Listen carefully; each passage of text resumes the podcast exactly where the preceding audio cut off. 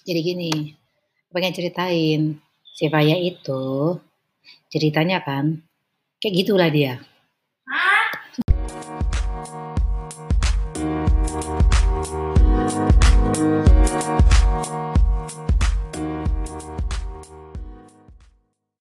Hai, ketemu lagi dengan saya, Sizi Damanik. Kali ini kita akan ngobrol tentang bagaimana ya caranya agar anak bisa berinternet dengan aman. Nah, apa sih yang ada di internet? Informasi apa pun dengan mudah dapat ditemukan di internet. Butuh jawaban, gambar, eh, bahan riset, semuanya bisa dimulai dari internet. Saat ini, dengan dilanjutkannya metode pembelajaran jarak jauh, otomatis anak-anak kan akan semakin intens menggunakan internet. Dan orang tua harus memastikan agar mereka terlindungi, mulai dari konten berbahaya dan tidak pantas, serangan malware, juga kontak dengan orang yang tidak kita kenal baik. Agar mereka selalu aman, maka mempelajari bagaimana cara menjaga keamanan berinternet untuk anak akan sangat membantu. Oke, sekarang kita ngomong ini. Uh, kita dalam posisi orang tua sekarang ya. Nah, orang tua yang berada pada generasi pertama internet nih, pasti nggak asing dengan yang namanya modem dial-up. Ya, seperti saya juga dulu nih. Nah, kemudian meningkat menjadi broadband, hingga kemudian teknologi seluler yang uh, memang meningkat begitu pesat. Nah, anak-anak kita yang lahir sekarang langsung dihadapkan pada dunia yang sudah nyaman. Nah, dengan internet, dunia pun berada di tangan mereka. Semua aktivitas mulai dari sekolah, bermain, sampai kegiatan di rumah yang selalu dikelilingi oleh konektivitas, tentunya nggak akan jadi masalah besar selama orang tua memberi perhatian atas penggunaannya. Pertanyaannya sekarang, mengapa anak-anak membutuhkan perlindungan di internet? Nah, pasti kita udah sering dong dengar ya, banyak kejahatan yang menimpa anak atau remaja yang bermula dari uh, pertemanan atau perkenalan online. Gak sedikit juga yang terjebak oleh spam, malware, karena kurang hati-hati Nih, saya kemarin mencari data. Jadi saya mengutip data dari Pew Research Center. Ya, ya itu kalau nanti tinggal cari, tinggal buka aja pewresearch.org ya. Uh, yang menunjukkan data ini menunjukkan bahwa orang tua yang mempunyai anak kecil memiliki kekhawatiran terhadap efek dari screen time. Nah, kemudian secara keseluruhan ada 71% orang tua yang percaya bahwa penggunaan smartphone secara luas oleh anak-anak dapat berpotensi menghasilkan lebih banyak kerugian daripada manfaat. Dan semua orang tua di era digital mengakui bahwa keamanan anak saat berkegiatan online adalah tantangan. Oke, sedikit cerita ya. Nah, saya adalah sedikit dari orang tua yang ikut bermain Among Us. Tahu dong Among Us? Nah, tujuan saya main itu adalah untuk mencari tahu seperti apa permainan ini dan sejauh mana anak-anak kecil atau uh, remaja itu menguasai kosakata atau umpatan yang biasa diucapkan orang dewasa dan ternyata banyak banyak banget di dalam effort dan kawan-kawannya. Nah, uh, Among Us ini kan hampir sama dengan dengan game online lainnya, dia juga tidak bisa membatasi usia pemain yang berada dalam satu server kan. Nah, jadi uh, sering juga saya mendapati ada anak usia di bawah 8 tahun berada dalam server yang sama dengan mereka yang sudah berusia 20 tahun lebih atau 40 tahun lebih lah seperti saya. ya kan? Nah, dan itu artinya ada ya, dan itu artinya ada kemungkinan penggunaan kata-kata dewasa yang secara refleks digunakan ketika kita main gitu. Nah, namun uh, sering juga saya menemukan user yang main dengan kakaknya atau dengan ibunya dan itu cukup uh, menenangkan saya. Artinya bukan saya pikir, wih ada juga tadi ibu yang mainnya selain saya gitu kan. Tapi sebenarnya gini, uh, kita kan tahu kalau tuh anak kecil yang main dari cara dia berkata-kata, dia mengucapkan kalimat, yang kepolosan dia. Jadi ketika anak itu atau user itu berkata bahwa salah satu crewmate adalah ibunya, nah biasanya secara otomatis itu akan jadi filter buat orang lain untuk untuk uh, filter lah dalam mengucapkan kata-kata yang pantas, yang tidak pantas ya. Nah, nah sering juga saya pernah juga main di server yang uh, hostnya itu cukup ketat. Jadi uh, ketika ada yang berkata kalimat atau kata-kata yang kasar dia akan bilang bahwa guys atau bro please jangan ngomong yang ngomong please ya, jaga jaga bicara ya karena di sini bisa jadi ada anak kecil di sini loh gitu. Nah, yang pasti ya, uh, saya tuh sangat menyarankan uh, para orang tua ya sering-seringlah bermain game online, game online bersama anak. Jadi setidaknya kita tahu nih bagaimana berdiskusi dengan anak mengenai keamanan online karena kita sudah tahu benda apa yang dia mainkan itu. Oke, lanjut tentang keamanan berinternet. So, karena komputer dan perangkat yang terhubung ke internet jadi lebih umum ya fungsinya ya, katakanlah di rumah kita memang hanya ada satu komputer untuk dipakai bersama-sama. Jadi untuk bekerja, bermain, tugas sekolah, maka akan jadi lebih sulit bagi orang tua untuk melindungi anak-anak mereka dari berbagai ancaman di web. Apa saja bahaya pengguna internet yang dapat mempengaruhi anak-anak kita saat online? Bahaya yang pertama, kontak dengan orang yang tidak diinginkan, termasuk uh, predator, misalnya uh, dalam pesan di sosial media, ya DM DM atau di, ruang obrolan di lobby game. Kemudian uh, orang yang tidak diinginkan itu termasuk juga tuh cyberbully. Jadi anak-anak dapat menjadi target dari para penindas online. Lalu para penipu phishing, yaitu uh, mereka yang berusaha mencuri informasi sensitif tentang diri anak kita atau tentang orang tuanya. Jadi mencuri kata sandi, uh, mengambil mencari informasi kartu kredit. Nah, bahaya yang kedua yaitu konten yang tidak pantas seperti konten yang uh, konten seksual eksplisit ya, terutama gambar dan video pornografi. Lalu konten kekerasan atau grafis-grafis yang sangat provokatif, lalu konten cabul, tidak pantas, bahasa-bahasa kotor, Bahaya yang ketiga, yaitu masalah keamanan komputer. Ada yang namanya download drive-by. Jadi ini kasus di mana uh, hanya dengan mengunjungi satu situs web aja dapat mengakibatkan satu program berbahaya itu diinstal secara otomatis di komputer anak kita. Ya kan? Terus ada uh, keamanan komputer itu mencakup juga infeksi malware. Ini artinya kita dapat memberi orang lain akses ke komputer anak kita. Ya, biasanya itu terjadi akibat uh, mengklik tautan di dalam tautan web atau tautan lampiran, berbagi file peer-to-peer. Terus ada program iklan atau adware yang tidak diinginkan. Seringkali itu dipasang secara otomatis saat kita mendownload program uh, freeware atau shareware ya. Jadi juga dapat membawa spyware. Nah, berdasarkan pengalaman saya dan juga cerita beberapa teman sama orang tua, anak-anak jauh lebih cerdas daripada orang tua mereka dalam hal-hal seputar online. Ada aja gitu akalnya. Pertanyaan tentang Lalu bagaimana cara saya memberikan keamanan internet untuk anak-anak saya? Nah, ini menjadi prospek menakutkan karena banyak orang tua menganggap pengawasan orang tua itu memerlukan pengetahuan teknis yang luas.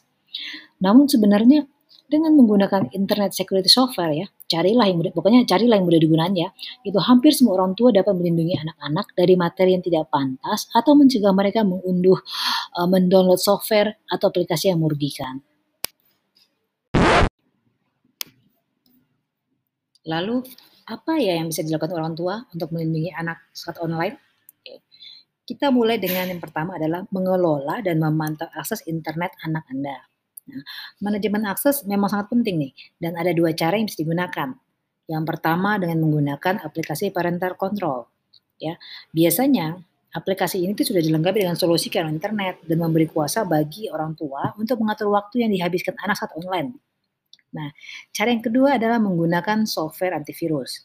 Software ini akan membantu kita tuh untuk menangani masalah seperti spyware dan virus dari situs web yang mungkin dikunjungi anak tanpa disadari. Oke, kalau ngobrol lanjut tentang fitur uh, tadi yang kontrol orang tua ya, aplikasi parental control. Nah, ini adalah fitur yang memungkinkan Anda untuk mengontrol semua aspek pengalaman internet anak Anda. Jadi, bisa mencakup apa saja, mulai dari jumlah waktu yang bisa mereka habiskan untuk online, hingga aplikasi dan situs web yang diizinkan untuk mereka akses. Nah, kemudian setiap usaha yang dilakukan oleh anak nih untuk menggunakan program atau mengakses website yang sudah diblokir itu akan dihentikan dan dicatat dalam log program untuk nanti yang bisa kita lihat oleh orang tua. Nah, kalau orang tua menginginkan pengaturan yang lebih advance, nah anda juga dapat membatasi korespondensi dengan kontak tertentu di jejaring sosial. Terus membatasi pesan yang berisi detail pribadi, atau bahkan mencegah pengiriman pesan dengan kata atau fase tertentu. Nah, pengaturan ini hanya ada pada biasanya itu aplikasi atau software yang sudah premium ya, fitur yang lebih advance gitu. Nah, kemudian mengenai perlindungan antivirus. Nah, ini pun sama pentingnya untuk keamanan online keluarga Anda. Situs web yang kelihatannya legit, terpaksa, uh, bagus, kelihatannya aman. Nah, sebenarnya mungkin membawa kode berbahaya atau mereka juga bisa mengarahkan anak Anda ke situs palsu yang terlihat sama, tapi sebenarnya berisi keylogger atau virus komputer. Untuk memastikan informasi pribadi anak Anda atau ya kita di keluarga di, di rumah ya tidak dikumpulkan tanpa sepengetahuan Anda, maka aturlah jadwal rutin untuk pemeriksaan virus otomatis ya scanning virus juga otomatis lah. Nah, jadi bikin jadwal misalnya setiap awal bulan atau setiap sebulan sekali atau dua minggu sekali. Dan juga jalankan scanning sistem mendalam setiap bulannya untuk memastikan tuh uh, tidak ada penyusup uh, di hardware-nya kita. Oke, okay. kalau bagian mengelola dan memantau akses sudah selesai, saatnya lanjut ke bagian berikutnya. Apakah itu? Oke. Okay. Berikutnya, orang tua juga harus memberi anak memberi anak kepercayaan. Sorry ya, batuk nih.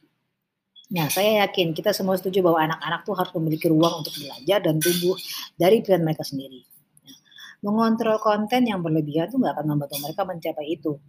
Nah, makanya orang tua juga harus pintar-pintar dan bijaksana agar di satu sisi tidak kebablasan membatasi akses internet, tapi tetap bisa memberi anak ruang untuk berkembang.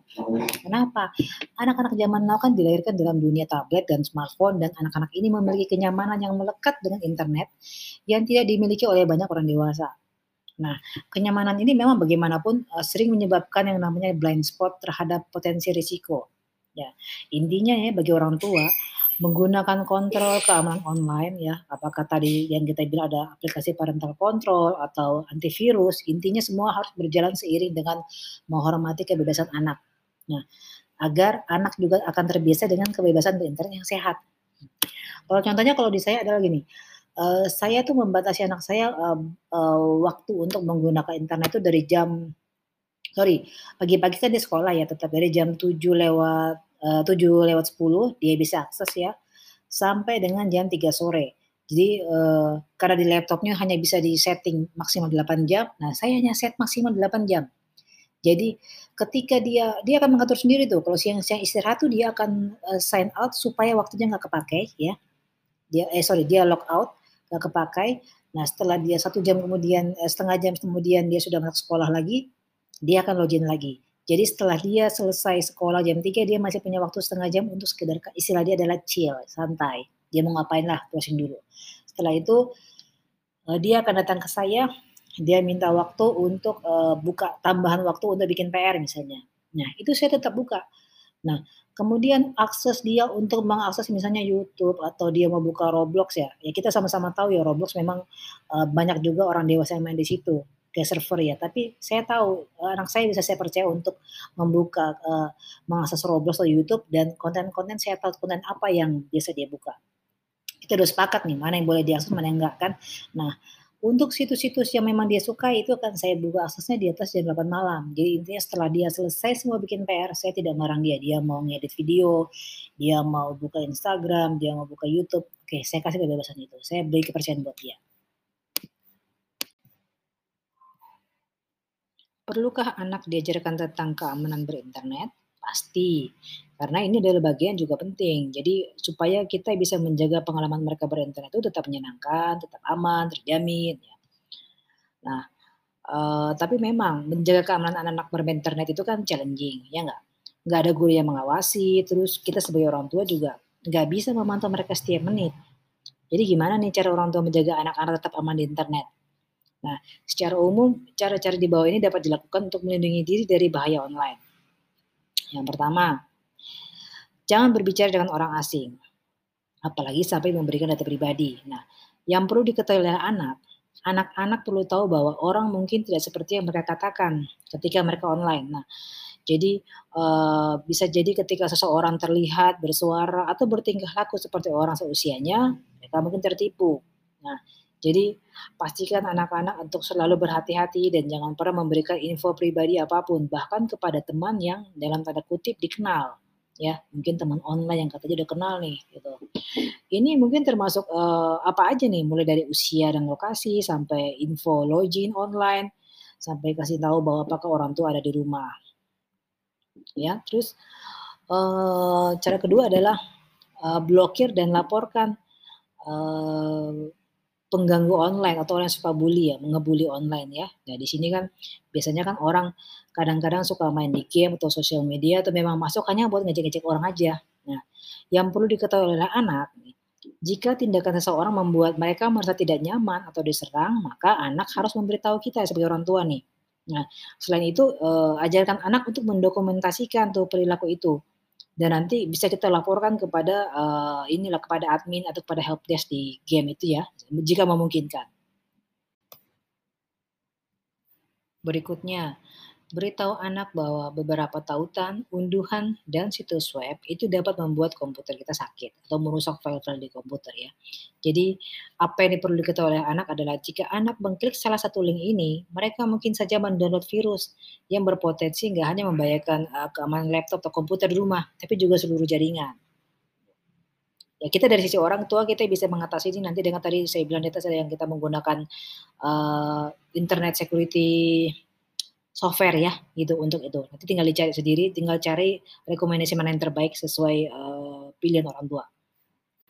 Yang paling penting, beritahu anak bahwa apa pun yang dibagikan di internet akan ada selamanya di internet.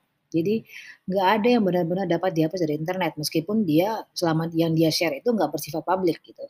Jadi apa yang perlu diketahui anak adalah jangan pernah membagikan apa pun secara online sesuatu yang akan merugikan dirinya, keluarganya, atau orang lain yang akan nanti berujung pada masalah hukum. Gitu. Nah, pada akhirnya orang tua harus berbicara dengan anak-anak mereka mengenai ancaman online dengan cara yang dapat dipahami. Nah, caranya bagaimana? Oke, lengkapnya saya tulis di blog aja ya.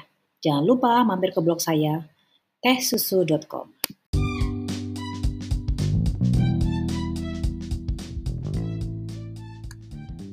Oke, sekian obrolan hari ini. Sampai ketemu di episode berikutnya. Bye.